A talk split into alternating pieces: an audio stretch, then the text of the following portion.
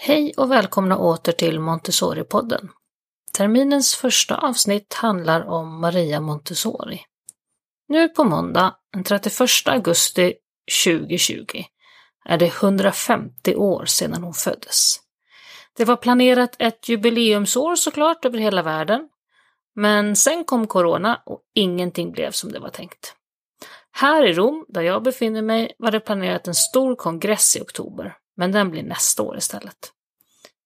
I dagens avsnitt samtalar jag med Kajsa Olsson Falk, rektor på Stockholms Montessori-skola och utbildare på Waterpark Montessori, om Maria Montessori och hennes liv. God lyssning!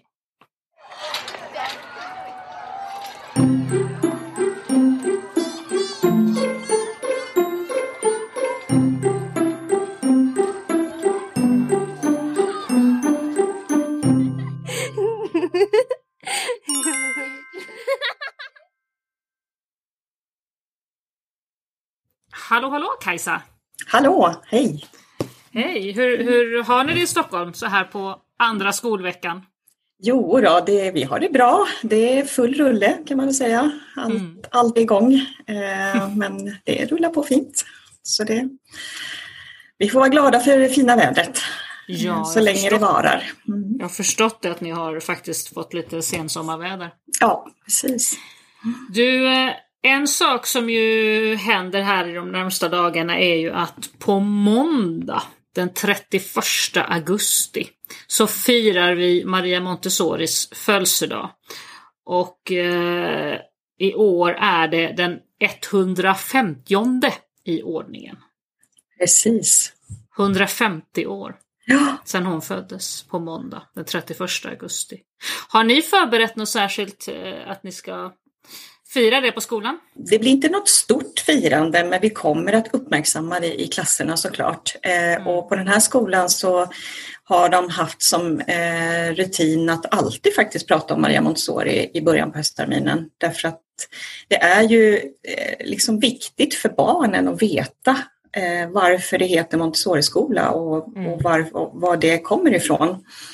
Eh, och eh, att de känner till Maria Montessori. Så att eh, det här blir nog bara att man kanske gör lite mer, lite, mm, pratar lite mer och berättar om henne och visa bilder från eh, när hon jobbade med så att de ser att det är samma material som mm. och så vidare. Mm. Ja, jag brukade faktiskt också göra det när jag jobbade på skola, just att ta den dagen till att, ja, just det här prata. Och det kan passa ganska bra först i början på höstterminen just prata om, men varför heter vi en Montessori-skola? Precis. För det är inte det? alla som gör det och då blir också lite, men varför går du i Montessori? Nej, men jag vet inte. Så det Nej, är faktiskt precis. viktigt. Mm. Ja, jag brukade ta, vet jag den här, att vi hade en stor tavla eh, med Maria Montessori så brukade jag ta med den och gå runt i klasserna lite grann och berätta. Och så frågade jag, vem är det, vem är det på den här bilden? Och det är en bild där hon är ganska så gråhårig och har en knut liksom och sitter och lite Mona Lisa leende sådär. Och då minns jag i många år så sa barnen Ja, nej men det vet jag vem det är, det är ju Eva i köket. För hon, och de var lite lika, det ska jag erkänna. Mm. Mm. så det var ju många då ins år. Då insåg du att nej men nu måste vi börja prata om Maria Montessori. Exakt. Och sen eh, så slutade Eva då. Eh, så då försvann liksom de barnen som gjorde den kopplingen. Och sen vet jag, så några år senare när jag tog in den här bilden och skulle visa så visste de ju då, de visste ju att jag hette Maria. Och så var det ju någon som hade hört att det här var en bild på Maria Montessori. Och då är det en gång ett barn som säger Ja, nej men eh, det är en bild på dig när du är gammal. Ja. Okej. Okay. Mm. Så kan det gå. och en annan gång så pratade vi om det här då. Så jag förklarade det här med Montessori-materialen och sådär. Jag, jag tror att vid något tillfälle när jag berättade om Maria Montessori lite grann och hennes liv, och det här var på förskolan, så vid något tillfälle så använde jag ordet när jag pratar om, om, om materialen så säger jag att hon skapade Montessori-materialen. Jag använde liksom ordet skapade. Och det här var i hela liksom frosteran. Mm. Så då säger en liten treårig tjej, fyraårig tjej, har hon krafter? Nej. Inte som Elsa, Nej. inte, inte Disneykrafter. Nej. Precis, ja. ja. men det är roligt med de här associationerna från barn. Det är verkligen... Ja, jätteroligt. Så att, vi har också brukat göra så faktiskt, gå runt liksom, ja men just förklara var, var, varför är vi här liksom. Mm, precis. Mm. Uh, ja men 1870 så föddes ju Maria Montessori. Vet du var hon föddes någonstans? Har du koll på det? Eh, det var ju såklart i Italien. Men, eh, det var i Italien? Det var. ja. Nej. Nej. Hon föddes i, i en stad som heter Chiaravelli. Som okay. ligger eh, i närheten av Ancona. På, det. vad blir det, östsidan av Italien. Ganska högt mm. upp. Mm. Um, och hennes mamma kom därifrån tror jag, Renilde. Uh, men sen när hon bara var några år så flyttade de tillbaka till Rom där fadern kom ifrån därför att han uh, Ja, han fick jobb där helt enkelt. Så, då, så sen växte hon upp i Rom. Men det är ju Caravelle Precis, för det är det man, det är det man eh, liksom förknippar henne med ändå. Att, ja, med Rom, hon, ja, precis. Med Rom, precis. Jag tror att de bara var typ tre. Nej, vänta nu ska vi se, det står här. Ja, just det. När hon var tre så flyttade de till Florens och sen två år senare så flyttade de till Rom. För han var ju, han jobbade på finansministeriet. Eh, mm. Hennes far, Alessandro Montessori. Så var det. Eh, hennes mamma där, Renilde Stopani, hon tror jag var en väldigt stor del av att det blev vad det blev av Maria Montessori. För att hon eh, Eh, var ju själv ganska så välutbildad och intelligent och, och så. Eh, och jag tänker att det var en sån sak som gjorde att Maria Montessori fick möjlighet att, att faktiskt plugga. Trots att det kanske inte var så... Eh, ja, det var inte riktigt comme få på den tiden. Liksom. Nej, men det var, det var väl hennes pappa var väl inte så förtjust i, i det här med teknik och vad hon, att hon ville bli ingenjör först. Och, Nej, precis. det var nog inte så lätt på den tiden för om man var tjej och hade de intressena. Nej, precis. Hon, hon, ja. hon gick ju på liksom teknikgymnasium egentligen. Mm. Vilket ju bara det var lite udda. Ja. och, och, och, då tänkte de väl att ja, ja, eh, du kan väl få bli mattelärare då. Mm. Uh, men lärare vill hon ju absolut inte bli. Utan hon vill ju bli någonting helt annat. Nämligen läkare. Precis. En sak som jag upptäckte när jag gick lite djupare i det här, det är att det, jag har hört hela tiden att ah, men eh, Maria Montessori var en av, var, har man sagt, hon var Italiens första kvinnliga läkare. Mm. Mm. Det var hon inte. Nej. Hon var nummer tre. Det var något nytt. Det har jag faktiskt inte hört. Nej, eh, och det hade inte jag, det. ja, det hade jag faktiskt inte heller tills bara för några år sedan. Uh, hon, man kan säga att hon var en av de första. Mm. Mm. Uh, det är så att hon tog ju läkarexamen 1896.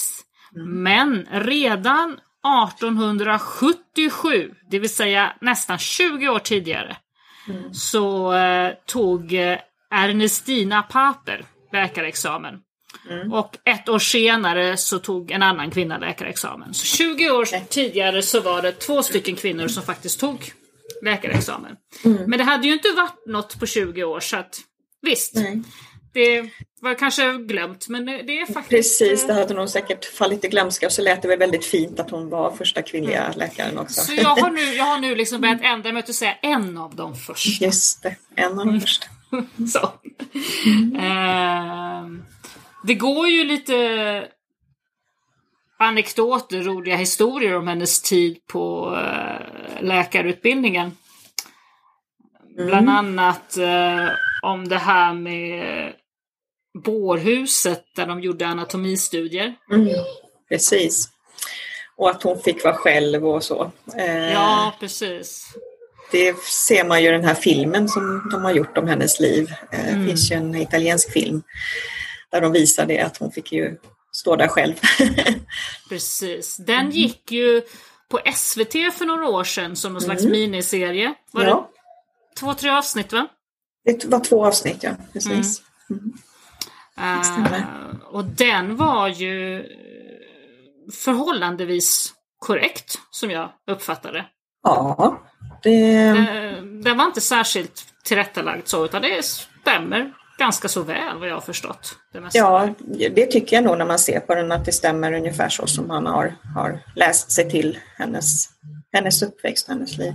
Nej, och där, jag har hört såna här historier om att hon, när hon kom in i, i klassrummet så såg alla pojkar till att det inte fanns någonstans för henne att sitta och sådär. De var lite allmänt taskiga. Mm.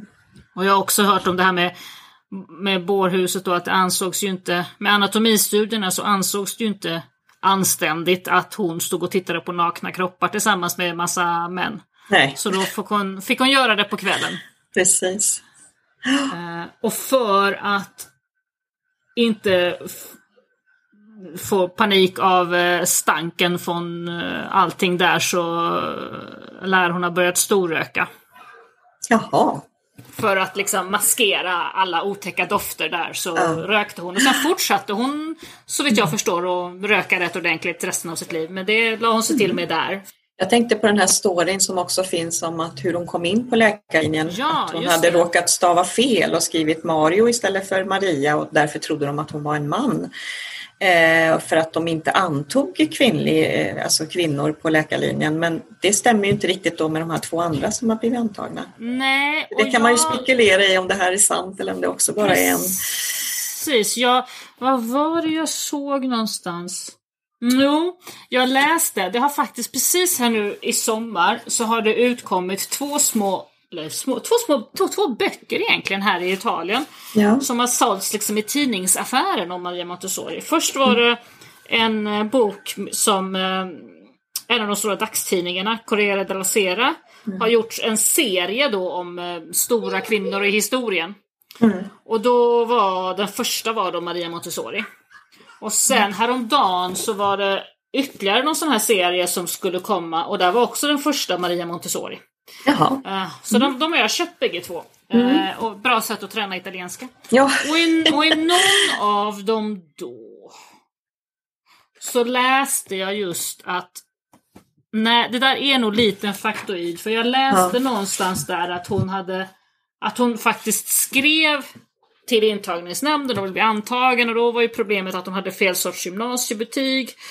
Och så kompletterade hon med det och så på något sätt till slut så uttömde hon deras argument. Mm. Så då blev hon antagen till Ja. slut. Hon, hon nötte ner dem helt enkelt. ja. kan man Det säga. låter ju mer troligt. Ja. Ja, det, var, det var nog i någon av de här böckerna nu som jag, som jag läste det faktiskt nu här i sommar. När jag försöker liksom läsa på italienska så ja, det går lite långsamt. Ja. ja, men det är intressant. Jag hoppas att de blir översatta så småningom då. Eller de finns Ja. bara. Nej, alltså de här, det här är såna här saker som, det är såna här stora kvinnoserier, liksom två stycken s- som de har kommit ut nu. Så att jag, ja, det hade varit trevligt om någon hade tagit sig an och översatt dem. Jag har, jag har dem bägge två här ifall någon är intresserad. Mm. Ja, men hon tar sig igenom eh, läkarlinjen för lärare skulle hon absolut inte bli, gubevars. Så läser hon ju också antropologi direkt på det va? Och så börjar hon jobba på en, en, eh, en psykiatrisk eh, klinik i Rom. För hon var ju, hennes doktorsexamen var ju mot psykiatri. Det var ju liksom det som var hennes eh, specialitet. Och så började hon jobba på en psykiatrisk klinik i Rom där hon då började jobba väldigt mycket med just barnen som ja, inte hade så lätt för att lära. Så vi, jag, lyssnade, jag lyssnade på en intressant podd häromdagen med Carolina Montessori. Mm. Alltså Marios barnbarn, det vill säga Maria Montessoris barnbarnsbarn. Mm. Mm. Carolina Montessori. En intressant podd. Eh, jag kan lägga upp, jag tror att The Montessori Notebook eller någonting sånt heter den podden. Jag kan lägga upp en länk sen. Mm. Och där beskrev Carolina Montessori just hur de här barnen som jobb, hon jobbade med då, att man kallade dem för, för det, var, det var en teknisk term då, man kallade dem för idioter och det var liksom inget nedsättande utan det var liksom bara den, den medicinska mm. termen på dem, det vill säga mm. eh, låg, låg, intelligens helt enkelt av olika slag. Och det fanns till och med ingraderat liksom, eller eh, graderat olika nivåer på detta då. Ja. Och där jobbade ju hon med dem och upptäckte att när de fick liksom lite stimulans så kunde ju de utvecklas rejält och sen och då tänkte hon, hm, jag undrar vad då man kan göra med barn som faktiskt har normalet för sig. Om det kan gå så bra för de här. Precis. Carolina Montessori beskrev där hur eh, hon kom till de här eh, avdelningen då med de här barnen och de kröp runt på golvet och pillade på matresterna och då säger någon av sköterskorna sådär att ja, de är helt förvildade de här barnen, de äh, äter till och med på golvet sådär. Mm. Varpå Maria Montessori konstaterar att det är nog så att de har ingenting annat att göra. Nej. De söker stimulans, så då får man väl pilla på kaksmulorna liksom. Ja. Det är ganska gräsligt när man tänker ja, efter. Verkligen. Men det var ju så fantastiskt att hon kunde se det här, att hon kunde liksom verkligen vilja också försöka och, och stimulera och hjälpa de här barnen. Att hon ja. såg de här sakerna. Eh, det kan jag inte tänka mig heller var så vanligt på den tiden. Eh, eller att det var väldigt banbrytande faktiskt. Eh, och det som gjorde det väldigt speciellt också. Mm. I hennes forskning och, och hennes observationer framförallt som hon gjorde. Ja, för hon, hon, hon, gick ju sen in på det här med antropologi lite mer och jag tror det var där mm. lite grann också hon fick känsla för det här med observationer på det sättet. Precis. Mm. Under den här tiden så händer det ju någonting också intressant i hennes privatliv. Hon, hon har ju en kollega där eh, på den här kliniken som eh, heter Giuseppe Montesano. Just det. Och eh, de blir ju förälskade och får en son, Mario, 1898. Eh, eh, jag har ju hört lite olika historier om det här, att, att en, om varför, varför de inte gifte sig och varför hon lämnade bort Mario. Mm. Eh, och vad har du hört för någonting? Alltså det har ju varit lite olika också men om jag tänker på den här filmen då som vi såg, mm. så, så där illustrerar de problemet som att det berodde på hans mamma, att hon inte var väl tillräckligt fin på något sätt eller att hon inte skulle kunna bli en bra husmor eftersom hon mm. också yrkesarbetade. Eh, för han kom ju från en väldigt fin familj där man, det kanske var mer vanligt att man då gifte sig med en, en en kvinna som sen ska bli hemmafru och ta hand om barnen. Och, mm. och så var ju inte riktigt Maria Montessori, hon ville ju också arbeta. Precis. Och att det var någonting i motsättningen där, att han blev väldigt påverkad av sina föräldrar. Men sen om det stämmer med verkligheten, men det är så de illustrerar i alla fall ja. I, den storyn. Mm. Och, och, när jag lyssnade på den här podcasten med Carolina Montessori häromdagen så fick jag ytterligare lite nyans på det. Ja. Uh, för jag har ju alltid liksom också fått mig till livs lite grann en version av att, ja, att hans familj inte ville att de skulle gifta sig. Mm. Så därför så blev det ingenting med det. Mm. Och ensamstående mamma kan man ju, kunde man ju inte vara liksom. Så att då blev hon tvungen att lämna bort honom. Men mm. När jag lyssnade lite grann på det här med, som, som Carolina Montessori då berättade så framgår det där att det nog var lite mer komplicerat. Det vill säga precis som du säger. Så mm. Maria Montessori var ju inte ett skvatt eh, intresserad av att lämna sitt arbetsliv. Nej, precis. Inte ett dugg. Den här Giuseppe ville nog gifta sig med henne. Mm. Men hon var inte beredd att ställa upp på de förväntningarna då som det skulle innebära. Och det Nej, var nog precis. inte bara för att den här Montesano-familjen var särskilt tjus utan det var nog i största allmänhet så att en mm. gift kvinna arbetar inte utan att ta hand om familjen. Punkt. Precis. Ja. Och det var ju Nej, tyckte hon. Uh, och då fanns det ju inte så mycket annat val egentligen. Då lämnade ju hon ifrån sig, eller rättare sagt så var det ju så här. Uh, att Mario blev, hamnade på landet hos en bondfamilj. Det var ganska vanligt att man mm. barn som man inte kunde ta hand om hemma, att de hamnade ute på landet hos någon kvinna som kunde amma dem, framförallt om de själva hade blivit av med sitt barn nyligen, så med spädbarnsdöd eller så, så mm. var det lätt att amma så. Mm. Uh, och till en början så erkände ju inte Giuseppe uh, Mario, utan det, det lär ha stått i att han helt enkelt hade okända föräldrar. Mm. Sen efter en tid så erkänner Mario, äh, Giuseppe Montesano till slut Mario då som sin son. För att han liksom ska kunna ha någonting att säga till om, om den här pojken. Mm. Och placerar honom så småningom på någon annat ställe då. Eh, mm. Eh, någon internatskola tror jag. Men det är ju fortfarande så att Maria Montessori då som ogift kvinna, hon hade ju inga som helst rättigheter till Mario. Nej. Utan det var ju bara han som hade det då, eftersom ja. han hade erkänt faderskapet, men hon hade ju ingen rätt. Nej. Carolina Montessori sa även att, att Giuseppe faktiskt till slut friade någon gång till där efter att Mario var född och sa att ja men ska vi inte göra någonting åt det här nu? Och hon sa att nej, mm. jag vill inte ha den typen av liv. Mm. Och då gifte han sig med en annan till slut. Ja. Eh, så att in, på något sätt så är det ju så att hon har ändå gjorde någon slags medvetet val att nej men jag kan ju inte den typen av hemmafru tänker jag inte vara. Jag ska inte jobba. Nej. Men, men som så många andra kvinnor faktiskt på den tiden och ja. även alltså under 1900-talets början eh, mm. var tvungna att... Jag tänker på min egen mormor som mm. också fick göra ett sånt val men som hade en, väldigt mycket intressen och hade skrev barnböcker och spelade teater och hade liksom en kon, konstnärlig framtid och sen när hon gifte sig så ja, då var mm. det hemmafru som gällde. Nej men precis och, det ställde ju liksom inte hon upp på. Nej. Eh, vilket hon gjorde rätt i. Ja, verkligen. på något sätt. Sen... Men, eh, det drabbade ju henne hårt på det sättet också, ja. att hon inte fick vara tillsammans med sin son. Det, så, det var ju ett tufft val att göra. Så är det ju. Mm. Han anslöt ju till henne, tror jag, när han var 14, typ.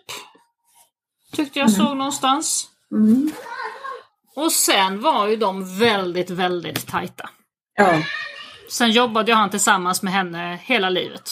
Ja, precis. Och följde väl henne också på alla, hon vart ju, ja, det här med att hon fick åka till så många olika länder eh, på mm. grund mm. av krig och annat som hände. Eh, mm. Så var väl han med henne på alla de här. Precis. De var ju extremt tajta. Han lämnade ja. ju liksom i princip aldrig hennes sida efter det ju. Mm. Precis. Um, faktiskt. Och han har väl också utvecklat en del av matematikmaterialen efter ja, ja, senare. Precis, mm. precis. Sen eh, så tar så efter den här tiden på den psykiatriska kliniken när hon faktiskt upptäckte vad som kunde göras med de här barnen då så fick hon ju möjlighet att eh, jobba med eh, ja, lite mer vanliga barn så att säga i i Rom på det här då som kom att bli den första förskolan, Casa dei Bambini. Precis. Och den finns ju kvar idag faktiskt. Jag besökte den för några år sedan mm. eh, på en resa som vi gjorde. Eh, och jag har också varit där faktiskt. Ja, eh, och det, men det är ju väldigt, det är inte alls, det är en ganska vanlig förskola egentligen, ja. alltså Montessori-förskola då. Men, eh, den är inte särskilt fancy alls. Nej. Um, så. Utan, den, är, den startade ju i januari där 1907. Eh, mm. och, och, det är ju inte särskilt stort, det är ju typ två små rum. Vad var de? 50 barn och så fick hon portvaktans, fru, portvaktans mm. dotter till hjälp. Precis, och där hade eh, flickorna rosa förkläden och pojkarna blå tror jag. Så att... Det har de fortfarande. det har de fortfarande. Kan vi det tänka är... genustänk här? Skolan startar här i Italien nästa vecka och på vår mm. lokala matbutik så säljs det just nu rosa respektive ljusblåa ja, små, ja. små eh, förskoleförkläden. Det är som små, skjort, små storskjortor som man liksom trär mm. över sina vanliga kläder. Mm. mm. Eh, och det, man har rosa eller ljusblå. Mm. Mm. Så är ja, det fortfarande. det har inte hänt någonting på hundra år. Nej. Nej. Nej. Eh, ja, det är intressant. Jag var, jag var också där för några år sedan och, mm. och jag minns att jag tyckte eller det är många år sedan, jag var nog där för 20 år sedan. Och, och jag minns att jag tyckte att det var ganska så, det var inte särskilt väl underhållet. Nej. Som materialmässigt och så, det var inte särskilt tjusigt alls. Nej, men som jag förstår så, så är det ju en vanlig kommunal skola. Alltså de har inte så mycket bidrag eh, att köpa in nytt material. Och, så att det som de då, eh, som vi förstod när vi besökte, det var ju att, liksom att om man nu ville komma med någon gåva då för att vi fick Mm, besöka mm. så skulle det gärna vara kanske material eller någonting som bidrar till barnen. Mm. Eh, just för att de inte har så mycket pengar på, på den skolan. så är det ju. Det, det är ju Som jag förstod det. det, Det, det, är en statlig skola. Ja. Eh, Så, att, så, att, så är det ju. Mm. Eh, Och den är ju, om det är någon som är intresserad av att, att gå förbi och titta där någon gång om man är i Rom så är det så att, att komma på ett studiebesök där är lite pyssligt nu för tiden för att man måste skriva och ha sig och det tar evigheter och det är kö och de är inte så, så ja, de kan inte ha besök hela tiden. Däremot om man går förbi i området, det här ligger ju inte jättelångt från stationen eh, Termini. Det tar en kvart kanske att gå. Eh, San Lorenzo-området. Så har de liksom inne i, i porten kan man säga idag. Där portvakten sitter. Så har de satt upp som en liten tavla med hela historien. Det står en hel del. Mm, vad roligt. Eh, Så. Och, så, och så kan man liksom smyga in på gården lite grann och titta och, och så. Så att man kan liksom man kan åtminstone komma in i trapphuset och, och på gården och, och titta lite grann om man, om man pratar lite snällt med portvakten. Men precis. Eh, på, på Via del Marsi som det heter som, som ligger där. Mm. Ehm, och det här blev ju en, en, en, en succé. Ja, det blev det ju verkligen. Och att det fick sån genomslagskraft tycker jag är helt Ja. otroligt. Och de startade med fler förskolor, eh, ett par stycken tror jag, Ja. startade i ganska snabb takt i Rom. Och det här var ju kvarteret, eller kvarteren där, San Lorenzo var ju och är ju fortfarande idag eh, ganska så sjaviga. Det är liksom Mm. Det är inte särskilt tjusiga kvarter, det är ganska lite småfattigt och då var det ju ännu mer så. Det var ju rena rama arbetarkvarter. Mm. Så här som du och jag pratade om sist när vi pratade om det här med handtvätt och så, att, att hon Ja. faktiskt fick börja med att lära dem basala hygienrutiner. Ja. Det förstår man ju verkligen. Precis. Att det var mycket fokus på det. Ja, precis. Verkligen. Ja, det står här att, att eh, bara strax senare då, hösten 1908 då, ett och ett halvt år senare, Mm. så fanns det fyra förskolor i Rom och en Ja. i Milano. Precis. Det är rätt snabbt marscherat. Det är det verkligen. Eh, Och att hon också började hålla kurser ganska snabbt inpå för eh, alltså första typen av Montessori-utbildning då. Eh, Mm. För eh, säkert alla då som startar de här skolorna och eh, också andra som kom från andra länder. Ja men redan eh, sommaren 1909, alltså Ja. två år senare, så började hon sina första lärarutbildningar. Mm. Och, och året därpå då, 1910, så, så publiceras ju den första boken som ju i princip är hennes föreläsningsanteckningar. Ja, eh, The Montessori Method. ja, Eh, och sen två år senare så var den översatt till 20 språk och sen åkte hon ju på den här USA-turnén. mm. Redan 1911 så startade en skola i, i New York. Liksom. Alltså jag, är lite, jag är lite nyfiken på hur, hur det kunde gå så fort. Hur Mm. kunde hon lyckas liksom sprida sin eh, pedagogik eller sina idéer eh, i sånt tempo, tänker jag. Eh, också på den tiden där det inte fanns eh, sådana här kommunikationsmedel som vi har idag där vi kan sprida allting jättelätt via internet eller något annat. Men hur lyckades hon med det? Mm. Det, det tycker jag är fascinerande faktiskt. Eh, Det, är det, det är det verkligen. Eh, Hon måste ju ha varit en väldigt, väldigt stark person med en väldig övertygelse för det hon, hon brann för.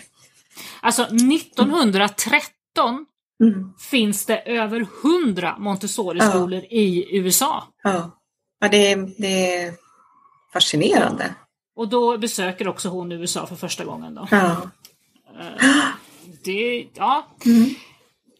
Hon var lite av en superkvinna får man ja. säga. Måste verkligen ha varit det.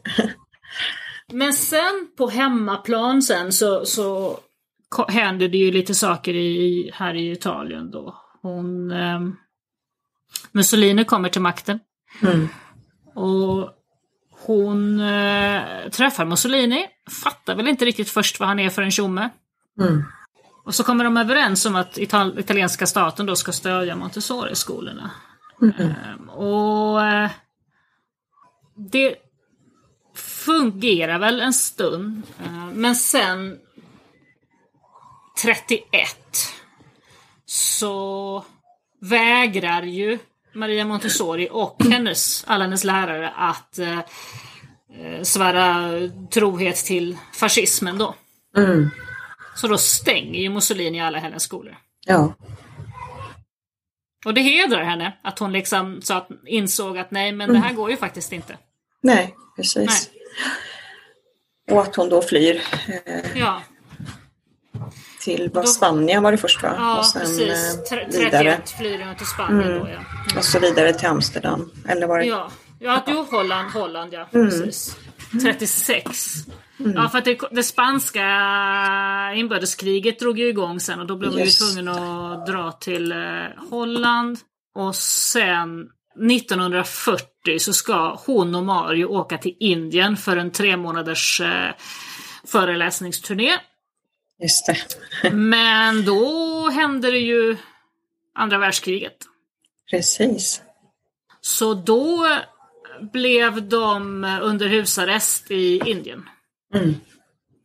Så att hon var ju där ja, under resten av kriget, ända till 46. Innan hon kunde återvända till eh, Holland 1946 där hon sen levde resten av sitt liv. Så att säga. Ja. Men under den tiden så hann hon ju utveckla ganska mycket i Indien också. Eh, ja. Med Montessori-skolor och eh, eh, när jag var i Indien för det var många, många år sedan, då besökte jag faktiskt en Montessori-skola i Goa. Mm. Så det, det var lite kul. Men de hade inte så mycket material, men de, de hade mycket fina presentationer och lektioner, mycket utomhus. Mm. Så det, var, det var intressant att se faktiskt. Det här med hur man gör i den mm. typen av, av miljö var också en jätte, jätteintressant sak som jag gärna vill mm. lära, höra mer om någon gång. Det var eh, också Carolina Montessori som berättar i den här podden ja. då om eh, det är nämligen så att Carolina Montessori då, Maria Montessoris mm. barnbarnsbarn, hon är gift med en eh, kurd-irakisk flykting. Mm. Som flydde till Holland. och de träffades och han är numera typ finansminister eller någonting i irakiska Kurdistan. Okej. Okay. Eh, och har varit, ja så att han, man kan säga att han pendlar. Och, och är väldigt engagerad i det. Så då var Carolina då, hade hört talas om att det fanns eh, en Montessori-förskola i Kurdistan där. I mm. norra Irak. Eh, startad av någon tysk kvinna kanske. Så vid något tillfälle så lyckas hon då, tack vare sin man som ju känner folk i regeringen, eh, komma på besök till den här. Eh, och hon sa att det var helt fantastiskt. Det var precis så som det nog var tänkt. Mm. Eh, inte särskilt mycket tjusigt material alls, mm. men väldigt basic och väldigt... Ja, snacka om, alltså tillbaka till rötterna basic. Mm. Väldigt, ja, hon var djupt tagen mm. av, av, den verksamheten. Och det, mm. Ja, det skulle man vilja höra mer om någon gång, den typen av, av uh, verksamheter faktiskt. Ja, precis. Alltså det som, det som eh, ändå är liksom det viktigaste i Montessori, självklart är materialet otroligt viktigt för att du måste ha någonting att sätta händerna på barnen, men också aktiviteterna. Man får inte glömma aktiviteterna. Eh, och det är det man också kan kanske se på Montessori-skolor som inte har så mycket material, att de har mer aktiviteter istället och mm. presentationer. Pra, pra, ja, det var lite det jag observerade i Indien också på den här Montessori-skolan mm, som var där. Men det är samma tänk, man ser ju att det är samma filosofi liksom. Mm. Det, men, mm. men det här med att de hamnade i Indien där, det är ju en av anledningarna till att Montessori är väldigt stort i Asien. Ja. Hon tillbringade ju mm. ett antal år där. Mm. Men sen blev ju som sagt Holland hemmet efter kriget då. Och det var ju så mm. där sen hon, hon blev tills hon dog 1952. Mm. Mm. Um, och, och, Mario fick ju fyra barn. Så att det finns ju en del eh, barnbarn och barnbarnsbarn och sådär. Precis. Ska tillägga det också med hennes eh, Indienvistelse där. Det var ju det också som gjorde att hon eh, utarbetade det här med utbildning för fred. Eh, att man måste börja med barnen därför att mm. just att hon var med om så, mycket krig och fick fly och ja, det, det, hon började ju verkligen sitt, sitt arbete där och, och, att det är en utbildning, en utbildning för fred och vi måste börja med barnen. Eh. Ja, precis. Och, jag menar, och det, det 1949 så håller hon ju det här talet för Unesco då på temat Education and Peace. Så det, det, är ju, och jag tänker också det man, i ljuset av andra världskriget och, och, allt det här att det här är ju något som är supercentralt i hela Montessori-pedagogiken vilket vi ibland kan glömma bort när vi mm. håller på till vardags. Att det är ju det absolut viktigaste att, att hjälpa barnen och, och, få den här styrkan så att de kan mm identifiera dåliga ledare och låta mm. bli att följa dem. Precis. Uh, att man blir kanske, en positiv ledare istället. Ja, och man vet då att amen, nej, det här är faktiskt ingen bra sak, det här ska inte jag följa efter. Mm. Att man liksom kan stå stadigt och uh, mm. låta bli att falla för det destruktiva grupptrycket. Ja. Det är ju en av de absolut, och jag menar det har vi ju i små versioner i klassrummet. Ja. och i stora versioner ute i världen. Ja, precis. Men det är otroligt viktigt arbete. Väldigt viktigt mm. eh, faktiskt. Och det är ju, om man ser till hennes eh, liv där så förstår man ju också varför det kommer att bli viktigt. Mm. Och sen som sagt så var det ju Amsterdam där, där också då AMI som ju hon grundade 1929 eh, har sitt, sitt huvudkontor i Amsterdam i Holland.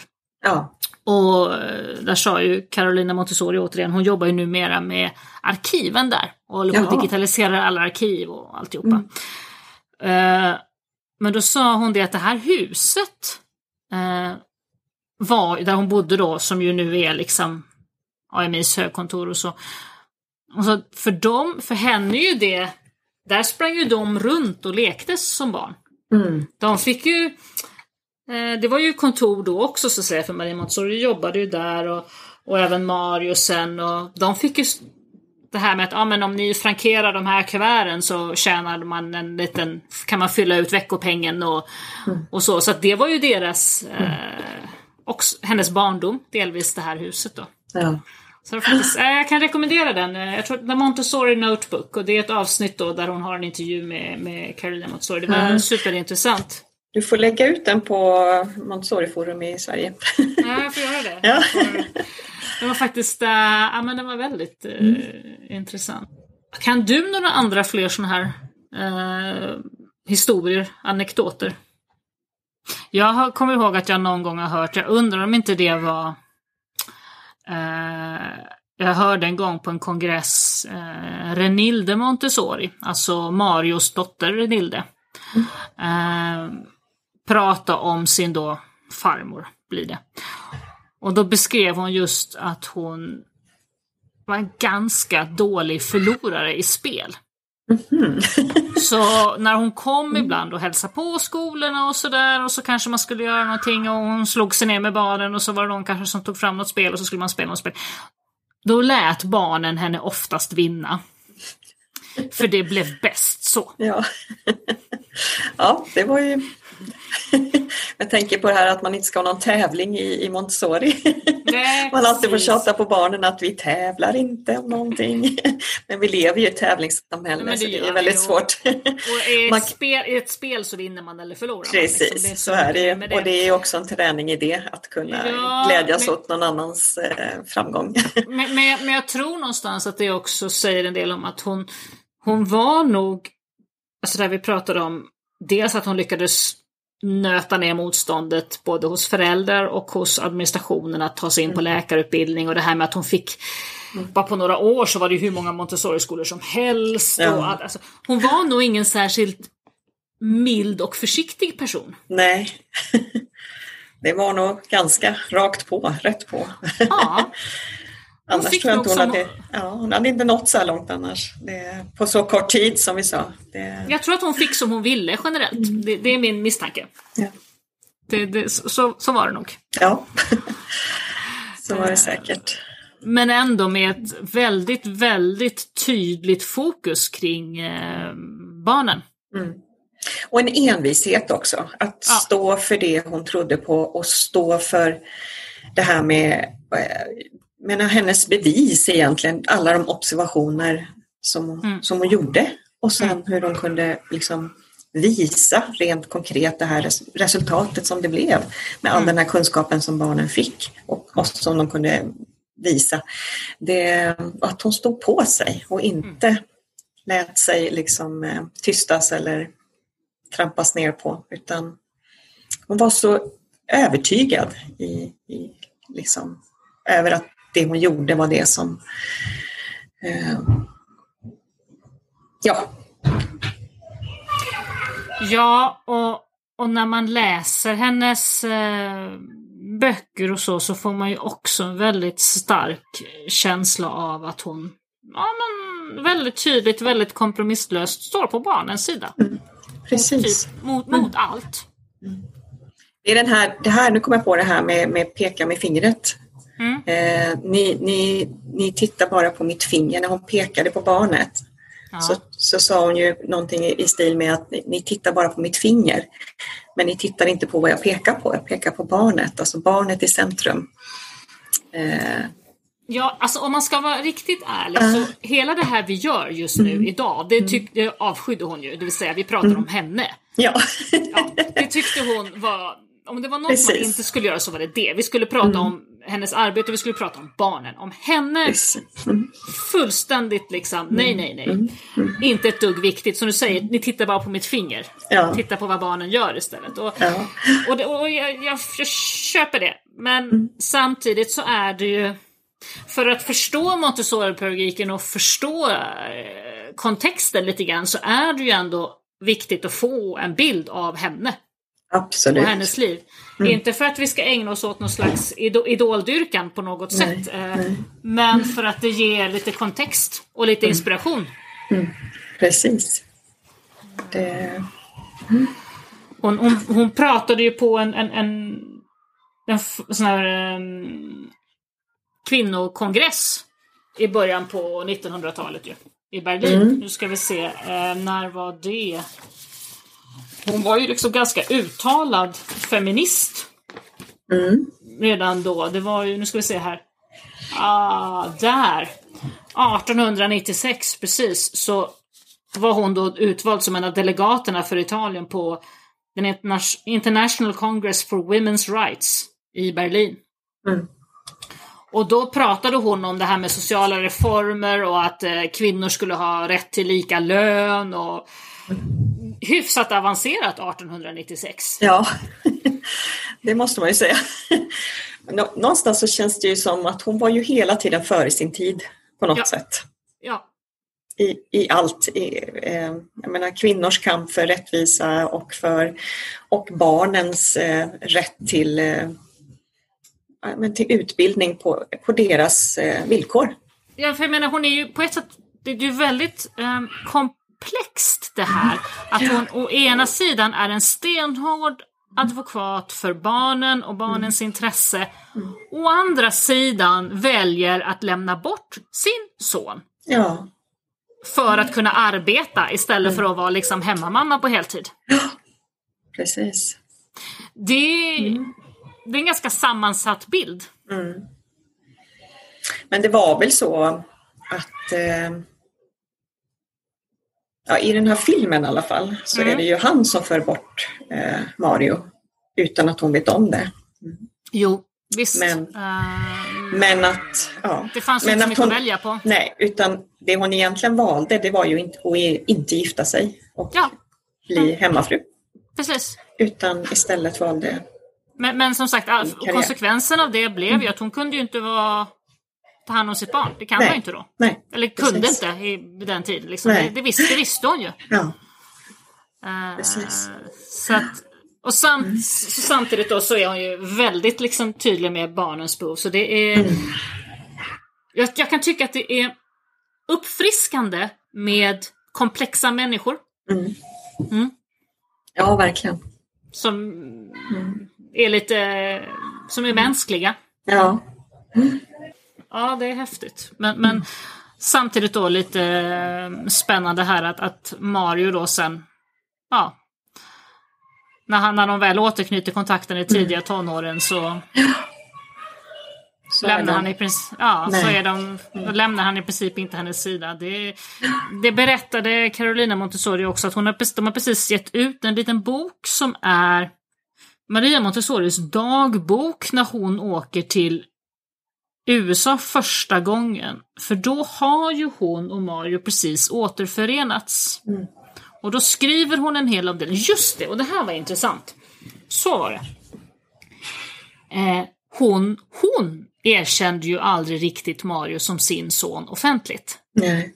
Okej. Överallt där de var så presenterar hon honom som typ brorson, adoptivson, ja, men någonting sånt där lite halvflummigt. Mm. Det var ju lite offentliga hemlighet, alla visste nog lite mer eller mindre. Men hon sa det aldrig. Eh, men jag tror att det nämns liksom offentligt för första gången i hennes testamente. Ja.